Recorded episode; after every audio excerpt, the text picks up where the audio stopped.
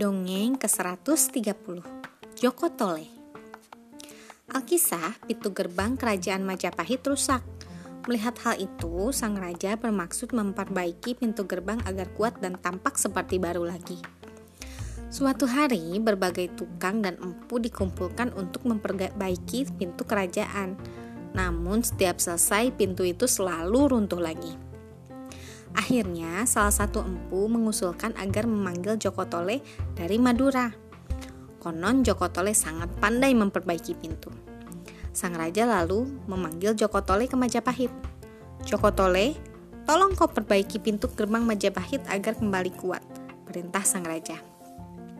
Baik Baginda, hamba akan berusaha sebaik mungkin untuk memperbaiki pintu kerajaan, kata Joko Tole.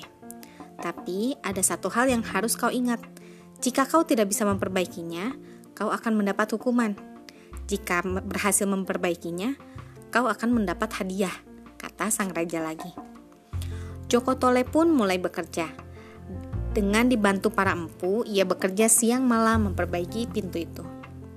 Joko Tole membuat pondasi dari batu besar sehingga lebih kuat. Engselnya juga diganti dengan logam yang kokoh. Setelah beberapa hari bekerja, mereka berhasil memperbaiki pintu gerbang kerajaan. Pintu itu berdiri kokoh dan tampak seperti baru lagi.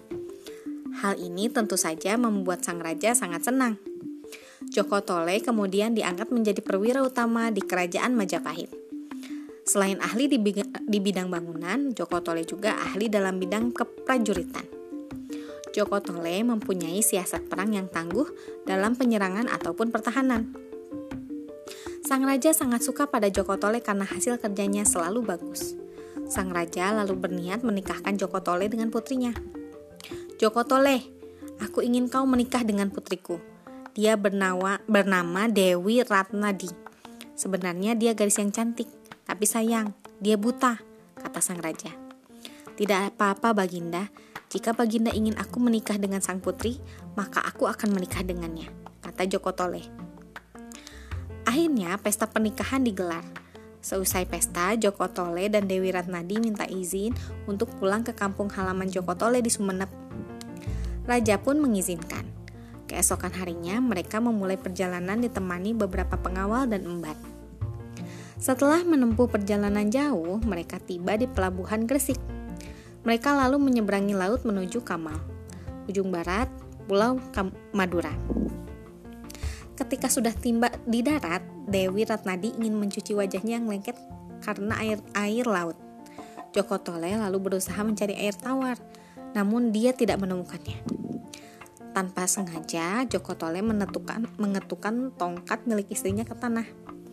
Ketika tongkat itu dicabut, tiba-tiba keluar air tawar yang memancar deras. Dewi Ratnadi sangat senang ketika suaminya menemukan air tawar. Dia pun segera mencuci wajahnya. Ketika matanya terkena kecipratan air, sang putri merasa terkejut. Matanya yang buta kini bisa melihat lagi. Melihat hal itu, Joko Tole sangat gembira. Sumber mata air itu kini menjadi sumber air yang jernih. Tempat itu lalu diberi nama Soca, yang artinya mata. Rombongan Joko Tole lalu melanjutkan perjalanan ke arah timur. Suatu hari, mereka tiba di sebuah hutan yang nyaman dan berudara segar. Mereka akhirnya memutuskan untuk beristirahat di sana.